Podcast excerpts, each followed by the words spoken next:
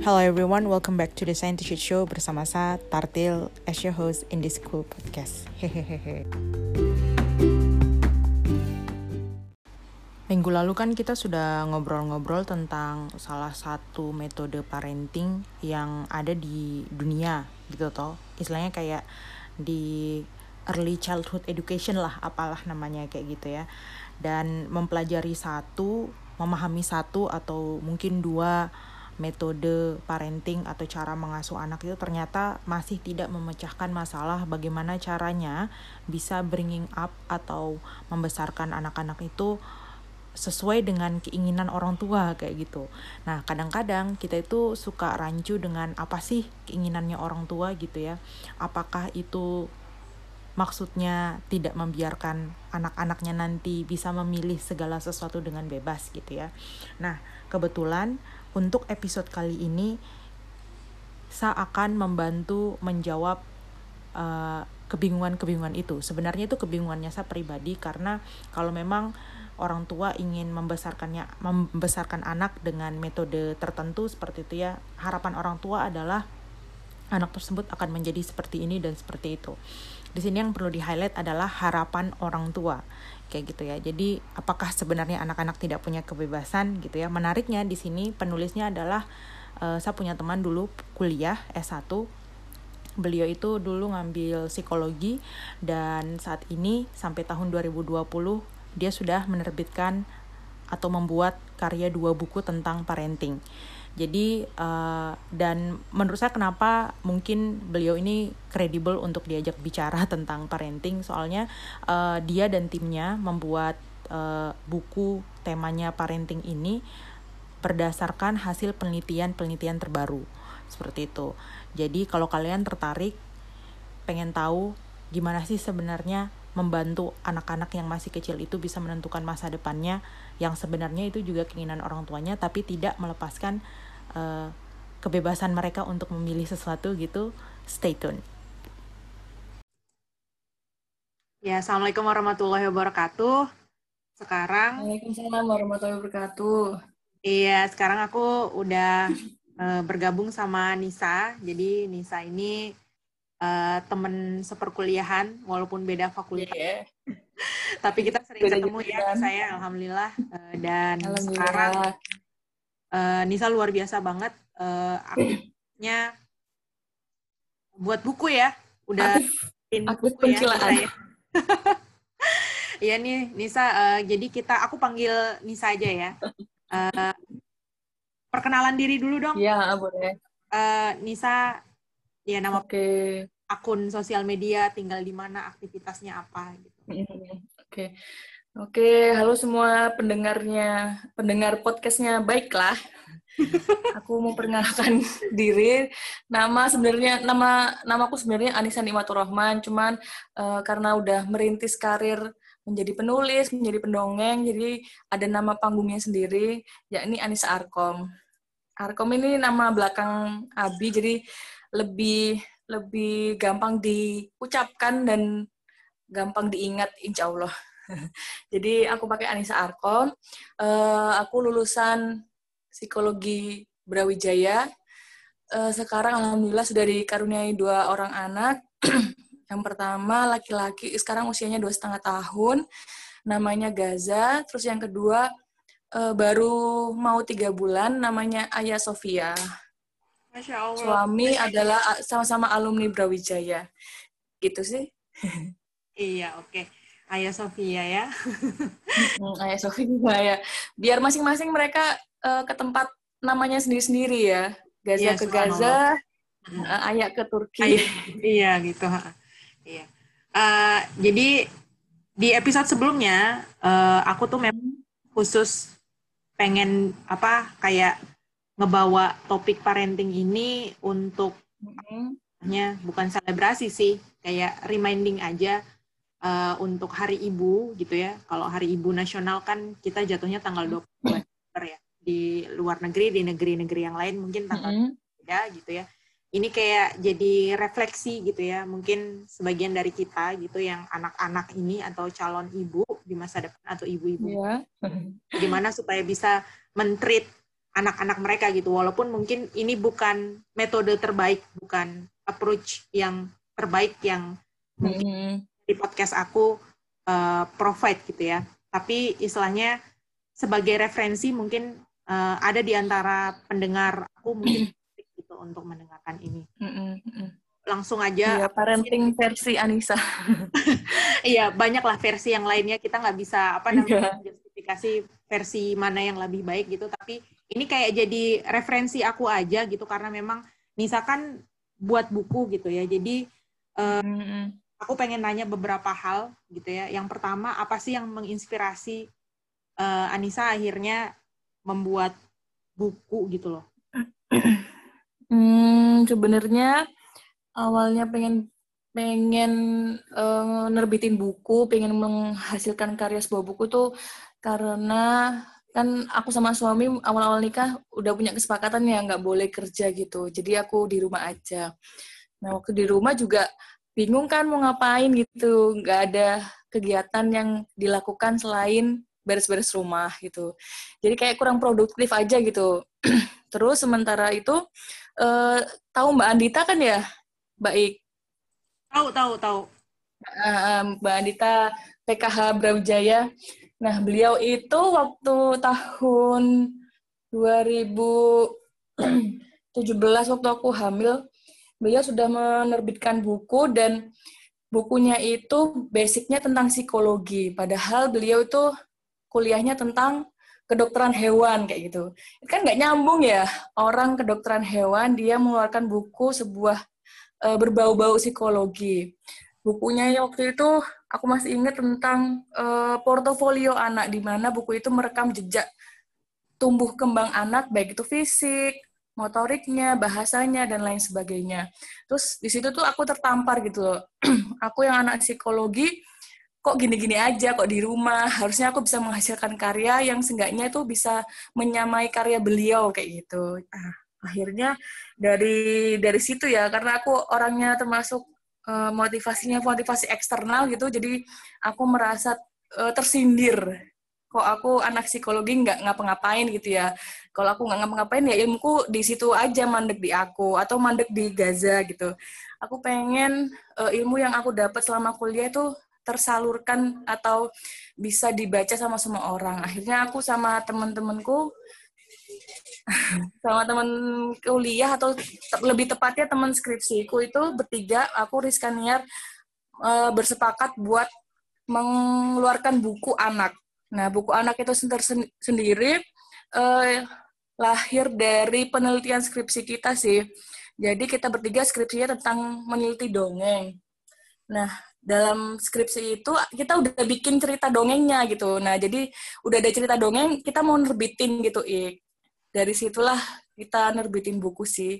Jadi eh, untuk awalannya kita nggak begitu ngoyoh buat apa namanya bikin dari awal karena kita udah punya eh, skripnya itu dari penelitian skripsi kita. Jadi cuman dia dari dikit, terus gimana packagingnya, gimana cara jualnya itu yang lebih kita pusingin sih. Itu awalnya inspirasi eh, kenapa aku ngeluarin buku. seru juga ya aku sebenarnya juga kalau dengar kayak gini jadi kayak mikir aku ini udah kuliah gitu ya mau ngerjain apa maksudnya bukan karyaku apa gitu Ya, jadi dosen kan salah satu ilmu yang bermanfaat ya. iya sih iya ini namanya manusia ya nggak pernah puas Heeh. Iya, betul. Iya oke jadi eh, jadi memang itu ya apa inspirasinya tuh dari skripsi malahan ya kebetulan Mm-mm. Dari skripsi dari dan dari Mbak Andita sih sebenarnya. Terima kasih Mbak Andita Kebetulan. telah menginspirasi. oke shout out to her mudah-mudahan beliau dengar ini ya nanti mungkin bisa Ah, ah, ah, ah. share podcast ini ke beliau. Eh, anyway, ngomong-ngomong, kenapa sih tertarik banget sama dunia anak-anak? Eh, Itu jadi kayak, karena anak-anak Oke. itu menyenangkan gitu loh.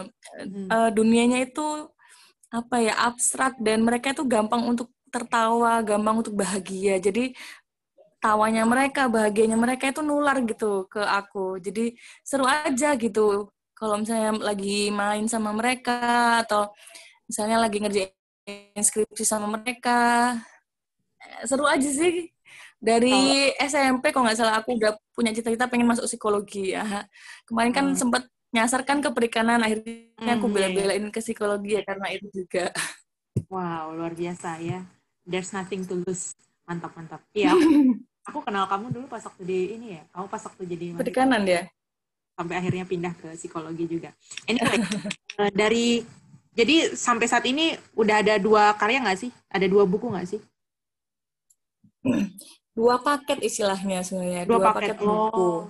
Heeh. Jadi, Jadi dari masing-masing paket itu ada empat buku jadi oh Jadi totalnya ada 8 buku yang udah aku sama teman-temanku keluarin. masya Allah. Ya, Itu paket pertama itu tentang mengajarkan tentang prososial. oke. Terus paket kedua tentang life skill. Eh, kalau yang prososial itu eh jadi kita ngajarin gimana anak itu bisa eh, apa namanya bisa hidup berdampingan dengan teman-temannya gitu ya. Jadi di situ ada unsur mengajarkan unsur berbagi, kerjasama, menghibur, sama eh, satunya apa lagi ya menolong. Nah eh, apa namanya itu kan tentang menghibur ini yang menarik karena waktu eksperimen skripsi dulu anak-anak itu nggak tahu. Jadi ini kelebihannya dongeng ya. Jadi dongeng itu salah satu kelebihannya adalah menambah kosakata. Nah waktu skripsi itu eh, modelnya kan pretest post test ya itu skripsinya. Jadi anak itu ditanyain apa yang kamu lakukan jika temanmu menangis gitu ya. Oh panggil bu guru. eh, apa namanya ngajak dia main gitu. Itu kan sebuah jawaban yang aktivitasnya itu sebenarnya menghibur gitu. Setelah kita kasih perlakuan dongeng, nah mereka jadi tahu oh itu aktivitasnya menghibur ya. Jadi ketika anak itu ditanyain hal yang sama, dia langsung menjawab oh itu menghibur. eh, aku mau menghibur dia biar gak nangis lagi gitu. Ah. Jadi menarik sih dongeng itu kalau kita sering-sering bacain dongeng, bacain buku eh, cerita ke anak dari dia bayi gitu ngaruh banget sama perkembangan bahasanya gitu. Itu udah aku buktiin sih sama anak pertamaku. Jadi dia banyak banget apa namanya koleksi kosakatanya sampai sekarang. Padahal baru usia dua setengah. Iya, aku dengar dengar terus ya, Hmm. hmm, interaksi sama orang ini tua, baik-baik dulu. orang orang Hmm. ngomong kayak gitu ya, itu juga bisa eh, apa namanya mempengaruhi peningkatan kosakata anak-anak kayak gitu ya. Iya, iya bener. Jadi eh, kalau pengen anak kita cerewet, ya kita ikut cerewet. Literally kayak bener-bener ngajak ngomong, nggak cuman say hello, hai Gaza, apa Hmm. Gaza, nggak nggak cuman kayak gitu, kayak bener-bener cerita kamu lagi apa, perasaanmu gimana, sekitarmu lagi ngapain gitu. Itu sih. Kalau yang life skill itu eh, penerapannya ke anak kamu tuh kayak gimana? Contohnya, Miss, si yang Nah, jadi life skill itu jadi life skill yang aku terbitin dalam buku itu mengajarin tentang uh, decision making, terus self awareness, bangga akan dirinya sendiri, terus uh, coping with emotion itu mengetahui tentang emosi, mengetahui emosi orang lain, terus yang terakhir uh, tentang komunikasi efektif. nah, yang menarik aku paling suka nekenin tentang tentang decision making-nya sih sebenarnya. Jadi itu menarik, itu menarik. Heeh. jadi decision making. Jadi Gaza ini udah apa namanya udah kebiasa aku kasih pilihan sih sebenarnya. Jadi kalau habis mandi, Gaza kamu mau pakai baju apa? Baju kaos apa pakai baju berkancing? Maksudnya baju berkancing itu Hmm. kemeja gitu. Oh, aku pakai kaos gitu ya. Mau kaos apa? Warna apa? Abu-abu atau merah? Merah gitu. Udah aku pakaiin. Terus kalau mainan ya aku tawarin kamu mau mainan apa gitu. Kamu mau ngapain gitu sih. Eh itu sih yang yang yang menariknya itu sih. Akhirnya dia eh, udah punya selera sendiri, udah tahu mau ngapain kayak gitu.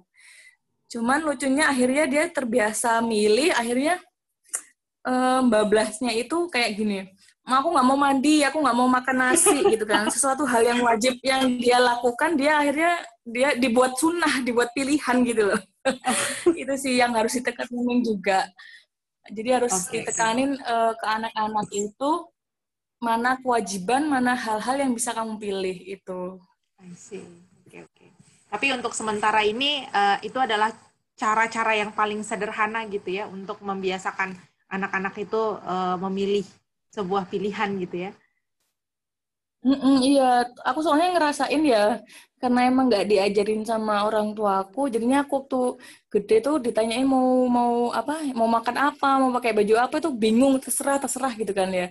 Dan itu kayak apa ya ngaruh juga ke misalnya ke dunia organisasi, ke kehidupan sosial aku. Jadi aku kayak bingung gitu loh, mau mau milih yang mana, mau punya pendirian yang kayak gimana, kayak gitu. Betul betul betul.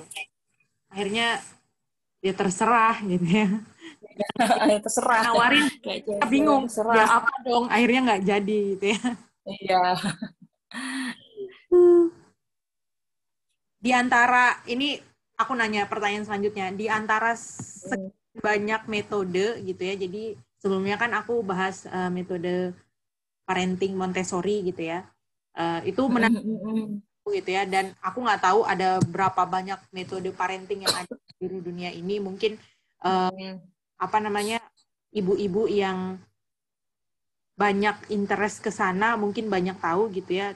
Salah satunya Anissa gitu. Kira-kira uh, apakah ada cara menurut Anissa itu dan tim gitu ya yang tidak sesuai dalam mendidik anak ataukah ada cara atau ada preferensi khusus gitu atau memang pure ngambil dari apa namanya research uh, perilaku anak seperti ini kemudian oh begini caranya dan kita buat dongengnya seperti ini kayak gitu atau gimana?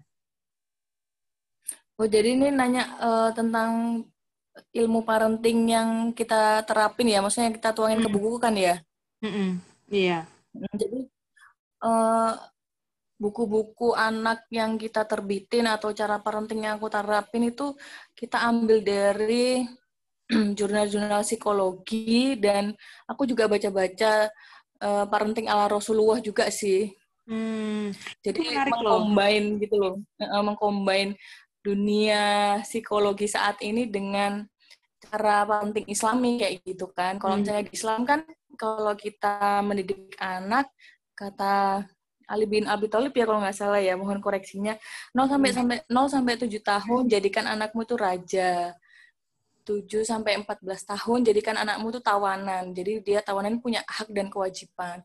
Hmm. Selebihnya itu jadikan anakmu adalah sahabat. Nah, itu juga ternyata pas juga gitu kalau misalnya uh, kita cari teorinya di psikologi gitu. Karena di psikologi juga di umur-umur 0 sampai 7 tahun kita harus mengi, apa uh, membangun attachment ke anak kita, membangun kepercayaan bahwa orang tua kita itu sayang sama kita gitu. Hmm. Jadi uh, ada beberapa yang sama lah teori-teori psikologi yang sekarang dengan ilmu parenting dalam Islam. Ya itu match banget ya. Aku juga uh, pas waktu di Melbourne kebanyakan ikut hmm. kayak apa sih uh, kayak workshop workshop parenting kayak gitu karena tertarik. Hmm. Ternyata baik itu workshop yang istilahnya di running sama istilahnya bule sana gitu ya orang Australia sama komunitas-komunitas orang Indonesia yang kebetulan mendatangkan kayak ustadz gitu ya itu ternyata nggak jauh beda gitu loh tapi istilah hmm. diubah kayak gitu. yang menariknya itu ya iya, istilahnya. Uh, apa namanya uh, apalagi yang modelnya aku ingat banget itu kayak bagaimana memperlakukan anak di usia remaja cara mm. si ustadz itu menyampaikan dengan di acara workshop parenting yang lain gitu ya itu tuh kayak sama kan ya gitu uh, tapi mungkin berbeda itu anyway uh, iya. Uh -uh. jadi kebetulan karena pendengar aku ini kan kebanyakan ya gimana ya mungkin teman-teman gitu ya orang-orang yang sudah istilahnya awarenessnya tinggi gitu terhadap uh, apa yang uh ini mereka apa yang sudah mereka dapatkan, hadapi gitu ya. Termasuk juga ibu-ibu muda gitu. Eh, dan para ibu-ibu yang saat ini sedang mendidik anaknya yang mungkin masih belum dewasa, sekitar masih ya anak kecil atau remaja kayak gitu ya, masa kini gitu ya. Kira-kira buat kita nih yang awareness-nya sekarang udah tinggi gitu ya, mengetahui bahwa oh metode parenting itu seharusnya seperti ini sehingga nanti mm -hmm. itu ketika di bringing up jadinya seperti ini. Kita kan pasti ada rasa penyesalan ya Nisa ya? Nah iya yeah, benar. sama hal-hal seperti itu tuh gimana kira-kira? Maksudnya kayak Hah, harusnya nih aku diginiin pas waktu gede. Aku nggak eh pas waktu kecil gedenya pasti nggak kayak gini kayak gitu. Itu gimana tuh nih oh kayak sebuah penyesalan ya. Dulu aku kok nggak iya. diginiin akhirnya kayak gini ya ya gimana ya? Um, harus berdamai dengan diri sendiri sih. Itu hal yang mudah diucapkan tapi emang sulit untuk direalisasikan dan itu juga salah satu yang terjadi di aku gitu loh. Ada hmm. beberapa hmm. penyesalan kok aku kok nggak diginiin ya. Aku akhirnya uh, attachment sama orang tua aku agak kurang gitu. Contohnya ya, nih contohnya. Contohnya. Contohnya ya. Hmm. jadi contohnya itu kayak gini uh, abiku itu sebenarnya sayang banget ya sama aku. Tahu tahu cara mendidik anak perempuan. Tapi mengkomunikasikannya ke aku tuh kurang gitu kurang membangun kedekatan akhirnya kadang eh, pesan-pesan yang beliau sampaikan itu agak mental gitu loh. Padahal kan penting ya membangun ya. kedekatan antara orang tua laki-laki dengan anak perempuannya biar dia itu apa namanya oh ya aku udah cukup punya figur seorang ayah gitu nah. itu sih itu mungkin salah satunya terus habis itu uh, ya itu tadi tentang sebuah pilihan gitu ya hmm. mungkin dari dulu suka dipilih sering dipilihin ya udah ini aja gitu. Udah itu aja. Jadi aku merasa ada beberapa waktu sebelum sekarang ini kayak bingung gitu loh mau milih yang mana gitu mau ngambil keputusan yang seperti apa kayak gitu. Itu sih. Jadi tapi ya nggak usah disesalin ya maksudnya ya udah itu buat bahan bahan per, apa bahan pelajaran kita hmm. bahan koreksian oh dari gaya parenting orang tuaku ini yang kurang kita harus baikin mana ini biar si Gaza sama ayah ini nggak mengulang kesalahan gitu. Seperti orang tuanya. Itu. Betul betul betul betul. Berdamai pada diri hmm. ya. Berdamai pada diri. Itu udah susah tapi ya harus harus harus berdamai ya. Kalau misalnya kita ngungkit-ngungkit juga oh, nggak selesai-selesai kita masalah dengan diri kita sendiri. Kapan kita kedidik anaknya nanti betul betul. Nah eh, berkaitan dengan berdamai diri sendiri gitu ya eh, otomatis mungkin buat orang tua orang tua yang udah move on salah satunya Anissa dan orang tua orang tua yang lain gitu ya pasti langsung mm -hmm inspirasi inspirasi inspirasi baru gitu ya. Salah satunya adalah dengan membuat dongeng gitu ya menerbitkan buku dan akhirnya banyak istilahnya uh, inspirasi kita tuh dipakai oleh setiap orang misalnya seperti itu ya. Dan mm-hmm. Pasti karena inspirasi itu tersebar gitu ya podcast aja tersebar seperti itu komentar gitu ya apalagi sebuah karya buku yang berkaitan dengan tumbuh kembang anak darah daging seseorang gitu ya. kira-kira ada nggak pernah nggak menghadapi tantangan kayak pro kontra gitu ya atau respon dari orang-orang mengenai model uh, apa namanya dongeng yang Anissa dan tim ini pernah buat dan akhirnya ya tersebar di banyak orang kayak gitu. Hmm, sebenarnya mereka mengapresiasi karya kita sih. Cuman ada beberapa pembeli kita yang uh, komen bukan komen caranya, tapi lebih ke ceritanya sebenarnya kayak gitu sih. Gimana? Nah, Apa? Ceritanya gimana sampai di komentar? Ceritanya.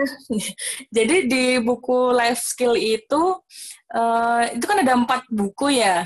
Hmm. Masing-masing buku itu ceritanya tuh enggak bukan cerita yang nyambung gitu loh. Jadi penggalan cerita, ngerti nggak, Ik? Oh, nah, okay, ya. orang tua yang nggak biasa nyeritain ke anak itu bingung. Nah, ini dua halaman ceritanya sama, baliknya beda lagi gitu. Jadi eh, orang tua yang nggak bia nggak biasa ngedongengin anak, nggak biasa komunikasi sama anak, gitu nggak cerewet gitu sama anaknya, bingung cara nyampeinnya kayak gitu. Akhirnya, ya itu paling dikritiknya uh, cara cara nyampein ceritanya sih tentang masalah-masalah teknis sih bukan masalah apa ya esens uh, bukan masalah yang mendasar sepertinya bukan tentang uh, gaya parenting kita sih cuman apa ya ceritanya ya naskahnya kalau kontennya nggak masalah gitu sih. apa namanya Cuma masalah. Iya sih, nggak masalah sih. Pesan yang pengen disampaikan nggak masalah, cuman mungkin uh, gaya penulisannya kita gitu. Oke, okay, menarik.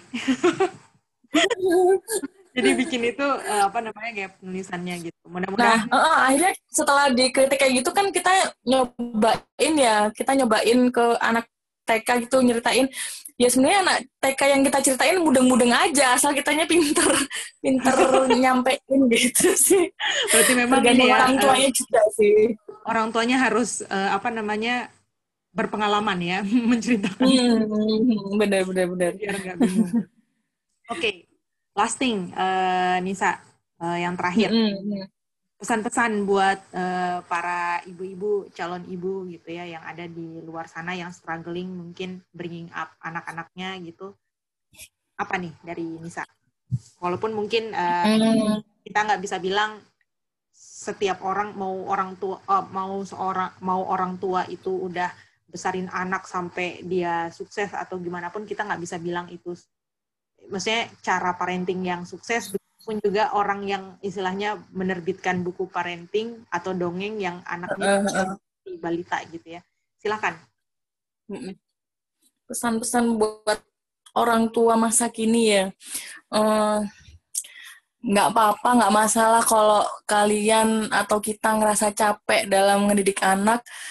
Uh, mungkin sedikit kelepasan emosinya itu nggak apa-apa. Maksudnya emang kita punya batasan capek gitu ya yang terpenting adalah ketika kita udah marah, udah capek dalam mendidik anak, uh, kita tersadar gitu loh, maksudnya dan kita selama selama ini juga udah usaha dalam uh, menimba ilmu gimana sih parenting yang terbaik yang harusnya dilakukan ke anak kayak gitu.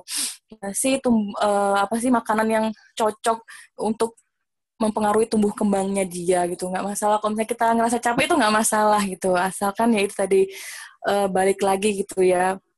Jangan lama-lama mengeluh gitu. Karena ada anak kita yang sedang menunggu kita untuk dididik gitu deh. Itu sih ik semangat juga semua para ibu-ibu. Aku juga walaupun kelihatannya penulis atau apa gitu. Aku juga kadang kelepak kelepasan marah gitu sama sama anak-anak. Tapi ya eh uh, satu dua kali kelepasan marah akhirnya mengkoreksi diri gimana sih cara meregulasi emosi itu apakah benar ya dengan hadirnya emosi itu harus langsung diluapkan gitu kan ya hmm. jadi akhirnya aku belajar untuk menahan marah nah ketika suami udah pulang kerja aku luapin ke suami gitu ya dengan cara menangis atau ngomel-ngomel gitu asal nggak kebanyakan marah di depan anak gitu. Masya Allah. Oke okay, oke okay, oke okay. oke para pendengar dan para ibu mungkin lagi dengar noted nih ya dicatat gitu ya dan siapa calon ibu gitu ya sebenarnya nggak cuma ini ya apa namanya uh, anak-anak aja tapi kepada semua orang tapi mungkin emang tantangan mm-hmm. anak-anak gitu ya karena gimana ya ya sebenarnya ya Nah, aku juga kalau mau cerita banyak anak-anak yang sering main ke rumah. Mm-hmm. Aku tuh kadang-kadang kalau lagi ngapa-ngapain gitu kan, ya Allah petasan gitu. Aduh, keselnya bukan main. Nggak bohong, sempat anak tangga. Iya, sempat aku teriakin tapi akhirnya aku kayak balik lagi tapi neriakin sambil teriak. Mm-hmm. Kayak, woi gitu kan. Asal aku samperin. Mm-hmm. Di lapangan ya, rumah orang. Terus tiba-tiba oke mbak gitu terus mereka lari gitu oke okay, mbak terus dia kayak heran iya minyak gitu Iya, maksudnya sama anak kecil itu iya, kadang, kadang anak Iya, kadang kita marah ke anak kecil juga ngapain gitu ya. Maksudnya hmm. uh, perkembangan kognisi mereka belum belum mateng setara dengan orang dewasa gitu. Jadi kalau kita marah-marah ya Percuma. Ya emang apa ya perkembangan motornya dia atau kognisinya dia bahasanya dia ya baru segitu gitu percuma juga kita marah gitu dia nggak bakal ngerti maksud kita itu apa gitu jadi diluapin ke pasangan kalian aja betul betul betul betul betul gitu aduh ada-ada aja anak-anak tetangga nih main terus hmm. nah, main terus ya ada aja ya ma makan coklat dimeperin ke Hai. aku sampai aku sampai searching gimana cara menghadapi anak-anak yang suka tanya aku asli langsung searching Oh sih iya. Itu gaza banget itu. Itu ada gaza salah banget. satu ada salah satu awalnya aku tuh ngikutin postingan siapa ya Eh, jadi aku sengaja tarik ulur dengan beberapa pertanyaan yang membuat mereka tertarik. Hmm, ternyata mereka benar hmm, besok main lagi gitu kan. Hmm. aku mikir aduh buset main lagi ngerjain sesuatu dia main lagi gitu. Akhirnya ya udah kasih permainan. Lama-lamaan gitu. Akhirnya pulang sendiri. Lu sendiri. jadi Iya, kita main lama-lamaan diem gitu. Ya oke katanya. Main dia. mantap gitu. Iya jadi Gaza juga lagi fase-fasenya banyak nanya gitu. Hmm. Nanya hal yang walaupun dia tahu ditanyain juga gitu. Dan aku ngeberhentiinnya dengan cara kayak gini. Misalnya eh ya pensilnya jatuh ke mana bu? Ke bawah. Bawah mana? Bawah lantai. Lantai mana? Lantainya pak rt lah. Sejak sejak lantainya pak rt dia udah oh iya. terus dia ngakak sendiri pak rt gitu nice nice kalau udah nice. capek banget udah kalau udah capek banget sih baru jawab kayak gitu kalau kalau lagi eh, apa namanya lagi moodnya bagus tak ladenin gitu Iya, aduh, masya Allah ya. Mudah-mudahan bisa tetap menginspirasi Nis. Eh, bagus banget. Walaupun aku belum sempat baca karya-karyanya Nisa gitu, insya Allah nanti kalau ada kesempatan, eh, maulah aku nanti hadiahin buat adik-adik. Maksudnya keponakan, sepupu gitu. buat anaknya baik nanti Waktunya untuk sharing-sharing gitu ya. Wah, seru ya makasih juga baik ya. Kenalan yang Maaf luar biasa. yang dibagiin cuman dikit kali ya It's okay, it's okay. Maksudnya ini adalah salah satu perspektif gitu ya. Mungkin eh, ini sudah waktunya apa namanya Hmm. relay sama apa ya istilahnya eh apa istilahnya nggak cuma metode gitu loh, tapi di dalam Hmm. itu ada sebuah cara gitu dan skill yang orang tua itu juga harus persiapkan untuk anak-anaknya. Salah satunya adalah mungkin skill mendongeng itu gitu. Karena Oh, benar. apa namanya dan itu juga bukan asal dongeng ya maksud menurut aku bukan asal dongeng yang dongeng yang membuat anak-anak itu akhirnya berharap dan berangan-angan nggak jelas gitu tetapi dongeng-dongeng yang benar-benar mengajarkan sesuatu dan itu realistis gitu. Iya, ada perubahan sikap yang ke arah yang lebih baik lah. benar benar benar benar bukan dongeng-dongeng eh, apa namanya Dongeng sebelum tidur, putri Iya. tertidur. oke makasih banyak nis Eh, Iya, itu juga baik. bisa menghasilkan karya-karya yang lain berikutnya Amin, amin. Doakan tahun depan bisa nyetak buku yang Amin. pertama terus bisa ngasilin yang baru juga. Amin, amin, amin, amin, amin. Doa juga mudah-mudahan aku juga bisa buat buku. oh iya, follow sih. Silakan Iya. follow akun Oh iya, betul. kita, akun kita at Tigor Ciku Giga. Oh, nanti aku tag. O R C H I K U G I G A. Oke, nanti aku tag, tenang aja. Oh iya. Terima kasih, Baik. Makasih banyak, sama-sama. Ya, sama-sama baik. Semoga yang dikit ini bisa bermanfaat. Yes, Masih yes, perlu yes. banyak belajar juga sebenarnya. Ya, kalau misalnya kita mikir kita berhenti belajar, kita nggak akan menghasilkan apa-apa. So, ya, baguslah kalau Benar. kita mikir kita harus banyak belajar gitu ya. Kalau nggak butuh belajar, ya kita nggak ngapa-ngapain akhirnya. Benar juga. See you anywhere. Oke, baik. Kenapa? Oke. Nggak, maksudnya sampai ketemu nanti kalau ada rezeki, entah kamu yang Oh ke ya, eh, situ gitu ya. aku yang ke Papua, kamu yang ke Surabaya, atau Yes, yes. Let me know kalau ke Jayapura, oke? Ya, oke. Amin, amin.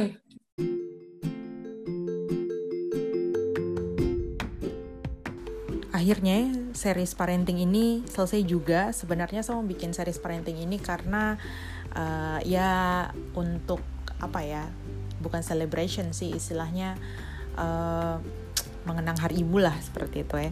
Jadi saya sebenarnya pribadi tertarik sekali membahas hal-hal yang berbau parenting terutama tentang eh, cara mendidik anak yang umur tertentu kayak teenagers seperti itu. Gimana sih harusnya orang tua memberikan influence kepada anaknya dan lain sebagainya. Mungkin saya bisa extend untuk uh, topik ini di episode yang lain sampai saya menemukan pembicara yang cocok. Misalnya kayak gitu, orang yang diajak uh, ngomong cocok lah untuk hal ini. Kalau kalian tahu siapa mereka, mungkin kalian bisa informasikan saya supaya nanti saya bisa kontak orangnya langsung. Dan mungkin ada di antara kalian masih menganggap bahwa apa yang saya sampaikan atau apa yang saya obrolin sama orang-orang yang sudah ada di subnya podcast itu kurang kredibel informasinya and I think that's fine gitu ya karena memang um, you know podcast is kind of um, platform yang buat chill gitu loh. Kalau kalian mau dengar perspektif orang lain, uh, silahkan. Kalau tidak juga tidak apa-apa. And anyway, uh, I'll see you in the next episode. Of course, salam buat keluarga kalian. Stay safe dan selamat liburan. thank you